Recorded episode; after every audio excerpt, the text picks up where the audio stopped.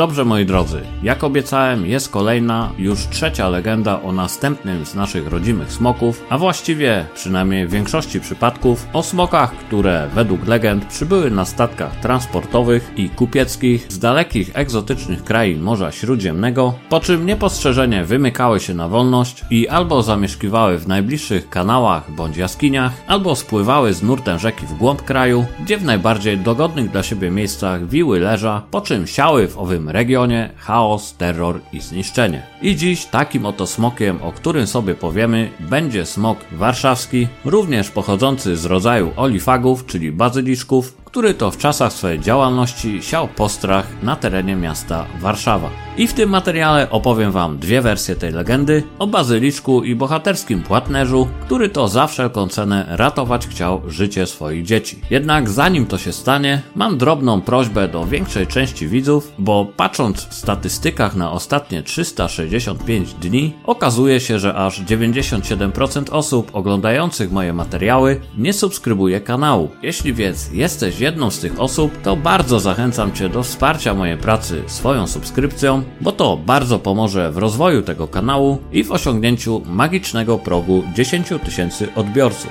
Za wyrozumiałość i wsparcie z góry wszystkim dziękuję.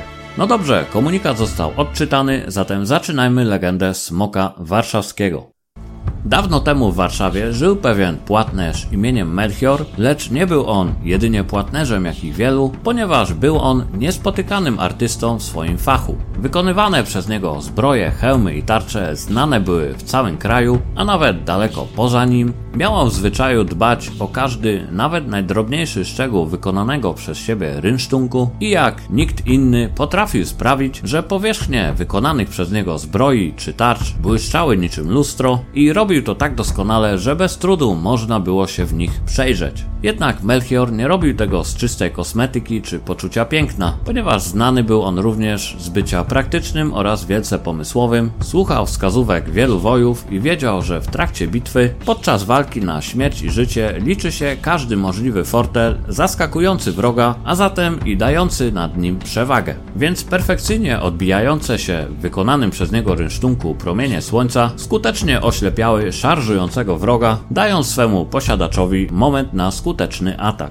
Prócz zamiłowania do tworzenia tak doskonałych pancerzy, oczkiem w głowie tegoż płatnerza była również dwójka jego dzieci, chłopiec i dziewczynka. I jak to każdy ojciec, Melchior starał się, by nigdy niczego im nie zbrakło i kochał je nad życie i z pewnością, gdyby musiał, owe życie by za nie oddał. W mieście natomiast, jak co roku, mniej więcej tego samego miesiąca, zawitali wędrowni artyści, jedni z tych, co to miecze i ognie łykają, nożami czy talerzami żonglują lub na linie balansując, kozły fikają. Na to dzieci jak to dzieci takiej atrakcji przeoczyć nie mogły i niemal zanosząc się płaczem prosiły ojca, by pozwolił im pójść na rynek, obejrzeć występy kuglarzy oraz wszystkie ich wyczyny. Ojciec nie chciał puszczać swych pociech samych, jednak z racji ilości pracy jaką miał do wykonania oraz tego, że koniec końców zawsze im ulegał, to uległ i tym razem. Jednak przestrzegł je, by nie zbliżały się do starej kamienicy na krzywym kole, by za wszelką cenę omijały ją szerokim łukiem. Plotki bowiem chodziły, że w piwnicach jej straszy, a ci, którzy odważyli się tam zapuścić, przepadali bez śladu. Dzieci, jako że były bardzo grzeczne i kochały swego troskliwego ojca, przysięgły, że zrobią tak, jak im nakazał. Po czym wesoło wybiegły z domu, kierując się wprost na rynek, gdzie odbyć miał się cały ten spektakl. I jak co roku występy owych kuglarzy i sztukmistrzów wszelkich akrobacji okazały się być wspaniałym widowiskiem, zaś dzieci jak zwykle były tym wszystkim w pełni oczarowane. A gdy przedstawienie się skończyło, wraz z będącym tam tłumem odprowadziły owych cyrkowców do gospody, której artyści zatrzymali się i zostali odpowiednio ugoszczeni. Jednak nim to się stało, dzieci płatnerza dostrzegły w pewnym momencie, że jeden z akrobatów oddala się od tłumu i znika wewnątrz wewnątrz starej, opuszczonej kamienicy, dokładnie tej, przed którą przestrzegał je ojciec. Wahały się one przez chwilę, głównie dziewczynka, jednak ostatecznie ciekawość zwyciężyła i oboje podążyli śladem cyrkowca. Dzieci zeszły w dół coraz bardziej zapadających się w mroku schodów i w ten stały już przed uchylonymi drzwiami prowadzącymi do środka zapuszczonej oraz wilgotnej piwnicy. Było tam bardzo ciemno i upiornie, panowały niemal nieprzeniknione mroki, jednak dzieci wpatrując się w tę ciemność nagle dostrzegły w oddali niewielkie, migoczące światełko. Widziały też jak do owego tajemniczego światła zbliżała się ciemna sylwetka śledzonego przez nie kuglarza, więc postanowiły za nim podążyć. I gdy były już w połowie drogi, zatrzymały się w bezpiecznej odległości, obserwując dalsze poczynania cyrkowca, a gdy ten już całkowicie zbliżył się do tajemniczego światła, wówczas dało się słyszeć jego mrożący krew w żyłach, rozpaczliwy wrzask oraz głośne syczenie i dziwny, chrapliwy skrzek. Nagle światło poruszyło się, rozbłysło znacznie mocniej i przed artystą oraz przed oczyma skrytych w ciemności dzieci pojawił się najprawdziwszy smok, mniej więcej rozmiarów przeciętnego człowieka, o wielkiej koguciej głowie z czerwoną grzywą i ogromnym ostrym dziobem, na dodatek z długim, falującym wężowym ogonem. I w ten jedno spojrzenie w mamiące oczy potwora spowodowało, że kuglarz natychmiast stężał, zmieniając się w zimny kamień.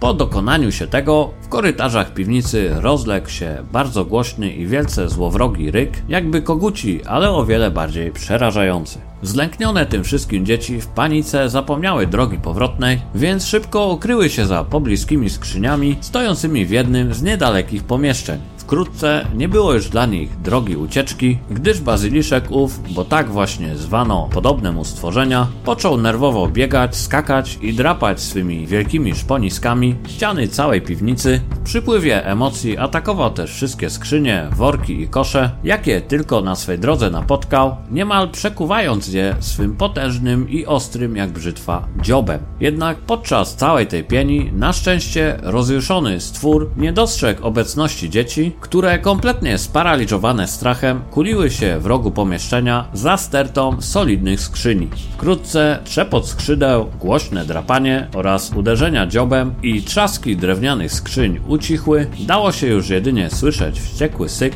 i powoli oddalające się w głąb piwnicy kroki bestii. Dzieci, nie wiedząc gdzie jest owy przedziwny napastnik, ani myślały wychodzić z jedynej bezpiecznej kryjówki, zwłaszcza, że ten ciągle krążył gdzieś w pobliżu. Godziny mijały, a na zewnątrz powoli zaczął zapadać zmrok. Natomiast Melchior był coraz bardziej zaniepokojony długą nieobecnością swych pociech i w końcu, mając dość czekania, ruszył na rynek, gdzie odbyć miał się pokaz. Tam, gdzie udały się jego dzieci, po drodze zauważył wielki, podekscytowany tłum zgromadzony przed karczmą, w której przebywali będący wielką sensacją cyrkowcy. Sam nie miał pojęcia skąd całe to zbiegowisko, więc postanowił to sprawdzić, licząc też, że może są tam jego dzieci. Okazało się, że tłum nie zebrał się tam jedynie po to, by podziwiać owych kuglarzy, lecz toczyła się właśnie gorączkowa dyskusja o jednym z owych artystów, który nie posłuchawszy przestróg okolicznych mieszkańców, ruszył do piwnicy pobliskiej kamienicy w poszukiwaniu legendarnego skarbu. Melchior usłyszał też coś, co go przeraziło, bo ktoś z tłumu wspomniał również o dwójce małych dzieci, które, jak mu się zdawało, podążyły śladem nieroztropnego mężczyzny. Zrozpaczony płatnerz wiedział już w sercu, że mowa jest o jego ukochanych maluchach, że to one właśnie zeszły do nawiedzonej piwnicy, do której nikt od dawna nie ważył się zejść.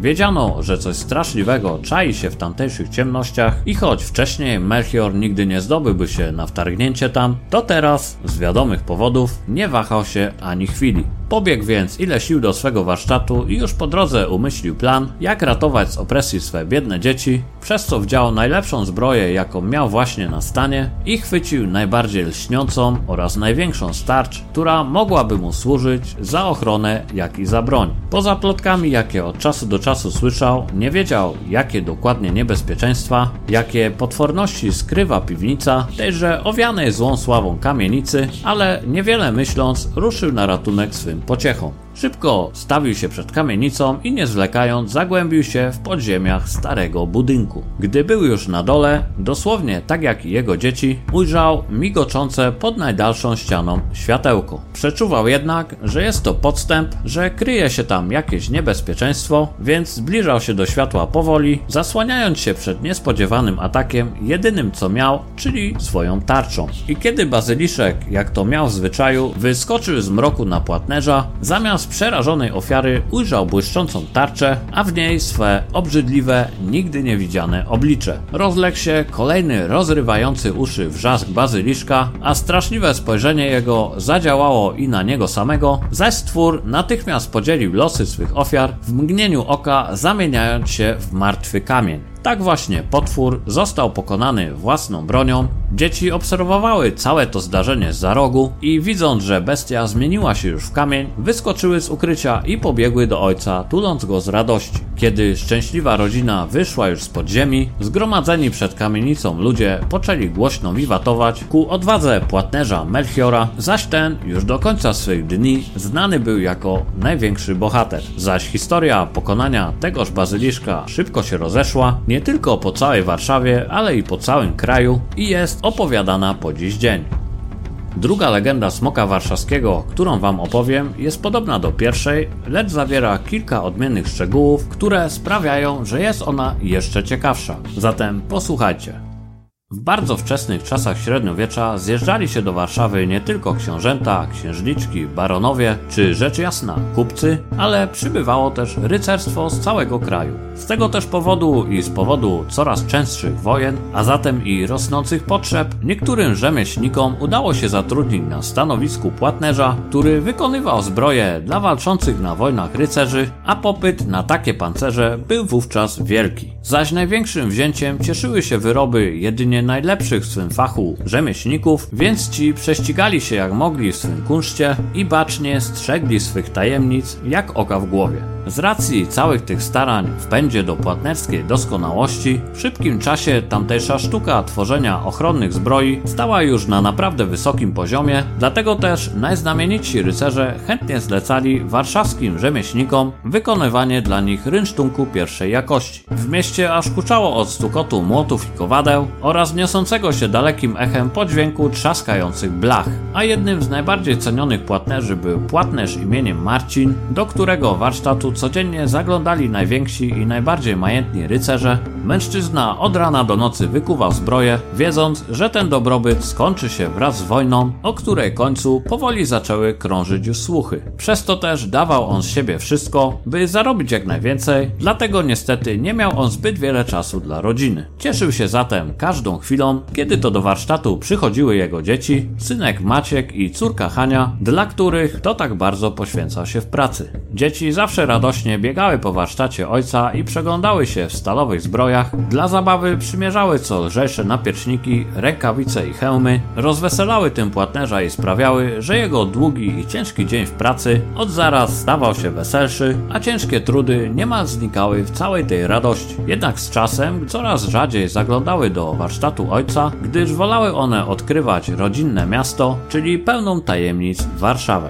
Najbardziej interesowały się jarmarkiem, na którym można było znaleźć wiele ciekawych i niespotykanych przedmiotów oraz ludzi z najdalszych zakątków kraju, a tym samym usłyszeć wiele nowin i ciekawych historii. Pewnego dnia rodzeństwo usłyszało o bazyliszkach, jakich w kraju pełno i że ponoć jeden ukrywa się gdzieś niedaleko Barbakanu, najprawdopodobniej w podziemiach tamtejszych ruin spalonego budynku. Dzieci, słysząc to, pełne ciekawości, szybko pobiegły w kierunku zasłyszanego miejsca. Chwilę później trafiły na starą, strawioną płomieniami czarną jak smoła ruinę, obeszły ją dookoła, jednak nie miały śmiałości, by się do niej zbliżyć. Poza tym nie zrobiłyby tego bez zgody ojca, więc wkrótce pojawiły się w jego warsztacie z pytaniem, czy mogą się tam udać. Ojciec kategorycznie im tego zabronił, pierwszy raz w życiu podnosząc na nie głos, ponieważ dobrze znał krążące wokół tych przeklętych ruin legendy. Wiedział, że diabeł tam wcielony drzemie w postaci dziwnego, wielce niebezpiecznego zwierzęcia, które podobno inaczej niż normalnie z koguciego jaja się wykluło. Jego głowa zaś była wielka, jak ludzka i do koguciej podobna, w ogromny dziób opatrzona, a tors poczwary łuskowaty i gadzi był. Jednak nie to wszystkich przerażało, bo najbardziej ludzie bali się jego połyskliwych oczu, które straszniejsze były nawet od wężowego ogona, a mieć miały bardzo zabójczą dla wszystkiego co żywe moc. Bowiem wystarczyło tylko raz w nie spojrzeć, aby zmienić się w kamień i umrzeć przez to, zaś sam bazyliszek zrobi wszystko, by tak właśnie się stało. Maciek z Hanią, słysząc to, obiecali ojcu, że nie będą spacerować wokół spalonej kamienicy, a już na pewno nigdy do niej nie wejdą. Jednak pewnego dnia, kiedy rodzeństwo bawiło się wraz z innymi dziećmi w okolicach tego samego jarmarku, stało się coś, co stać się nie powinno. Bo dzieci płatnerza tak bardzo wciągnęły się w zabawę, że oddaliły się od rynku i niechcący znalazły się w pobliżu starych ruin, o których tyle złego słyszały. Lecz mimo ostrzeżeń ojca, Hania i Maciek, namawiani przez towarzyszące im dzieci, udały się całą gromadą do środka ruin, po czym skierowały swoje kroki do wejścia prowadzącego w dół prosto do ciemnej i upiornej piwnicy. W grupie dzieci czuły się bezpiecznie, więc zeszły po schodach, znikając w ciemnościach. Po chwili ich oczy przyzwyczaiły się do panującego tam mroku, od czasu do czasu rozjaśnianego lekkim światłem padającym z niewielkich piwniczych okienek zaczęły dostrzegać połyskującą od wilgoci posadzkę oraz ściany i rząd czarnych dziur ciągnących się wzdłuż długiego korytarza, będącymi wejściami do pobocznych pomieszczeń. Towarzyszył im przejmujący chłód, ciemność i niebywały smród, jakby gdzieś tam padł szczur i to nie jeden ale w końcu była to piwnica, a w miejscach takich zawsze jest ciemno, zimno, no i zwykle cuchnie tam szczurami. Więc poza obrzydzeniem i strachem przed ciemnością oraz nieznanym miejscem, nic innego dzieci nie zdziwiło i powoli ruszyły do przodu. Minęły jedno pomieszczenie z zamkniętymi drzwiami, aż doszły do kolejnego, które tym razem były nieco uchylone. Zaglądając do ciemnego pomieszczenia w najdalszym jego kącie, dzieci zaczęły dostrzegać migoczący i jasny, niczym pobłyskująca w słońcu złota moneta, blask. Jako czarowane nie mogły oderwać od niego oczu, jeden z chłopców otworzył tajemnicze drzwi szerzej i w jednej chwili upadł na posadzkę zmieniony w kamień. Światło owo połyskiwało coraz szybciej i coraz mocniej, aż w całym pomieszczeniu zrobiło się jasno jak za dnia, a wszystkie będące tam dzieci zmieniły się w kamienne posągi. Noc Już wtedy zapadła, a płatnerz z coraz większym przerażeniem myślał o swoich dzieciach, wychodził raz po raz przed warsztat, rozglądał się po okolicy, ale nie doczekał się powrotu dzieci i przeczuwał, że stało się coś złego. Był pewien, że te zapewne nie posłuchały go i poszły do starego domostwa. Wiedział też, że musi ruszyć im na ratunek, jednak nie wiedział, jak miałby się bronić przed bazyliszkiem. Jego wzrok przypadkiem padł na świeżo wypolerowaną zbroję, którą jeszcze tego poranka wpatrywały się jego dzieci i nagle podsunęło mu to pomysł, że jest to dobry sposób na straszny wzrok bazyliszka. I choć nie było pewności, czy spojrzenie bestii zaszkodzi jej tak jak jej ofiarom, to jednak płatnerz nie miał lepszego pomysłu, jak i też nie miał nic do stracenia, tak więc ubrał na siebie pełną zbroję i biegiem ruszył w stronę mrocznych ruin.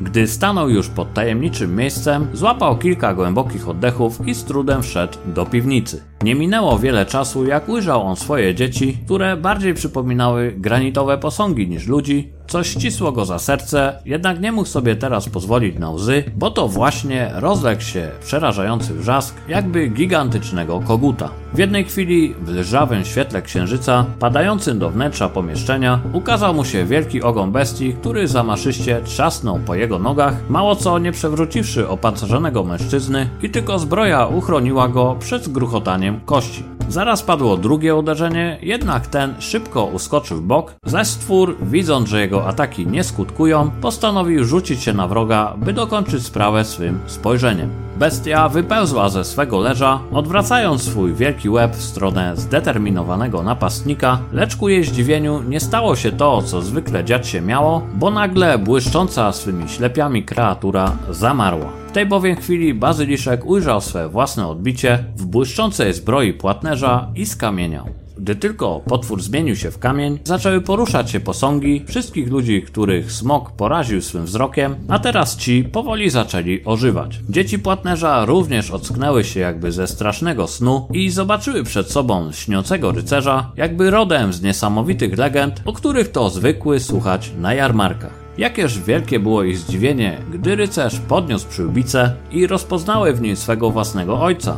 Szczęśliwy mężczyzna szybko wziął dzieci na ręce i wyniósł z ciemnej piwnicy, by przerażające skamieniałe cielsko bazyliszka nie ukazało się ich oczom. Tak właśnie płatnerz Marcinem zwany uratował swoje dzieci z opresji, a przy tym uratował też inne liczne ofiary okrutnego bazyliszka. Mówi się, że tam, gdzie w Warszawie widnieje szyld z podobizną bestii, w dawnych czasach stała kamienica, w której piwnicach zwykło grasować owe niewiarygodne stworzenie i w której to miejsce miały owe wydarzenia. To już koniec materiału o smoku zwanym bazyliszkiem warszawskim, a ja jak zawsze liczę, że odcinek Wam się spodoba. Zachęcam również do napisania o tym w komentarzach, do polubienia filmu i jak już wspominałem na początku filmu, wsparcia mnie swoją subskrypcją, bo wkrótce dobijemy do okrągłych 6000 i oczywiście sięgamy po 10 tysięcy. Zatem jeszcze raz dziękuję i do następnej legendy.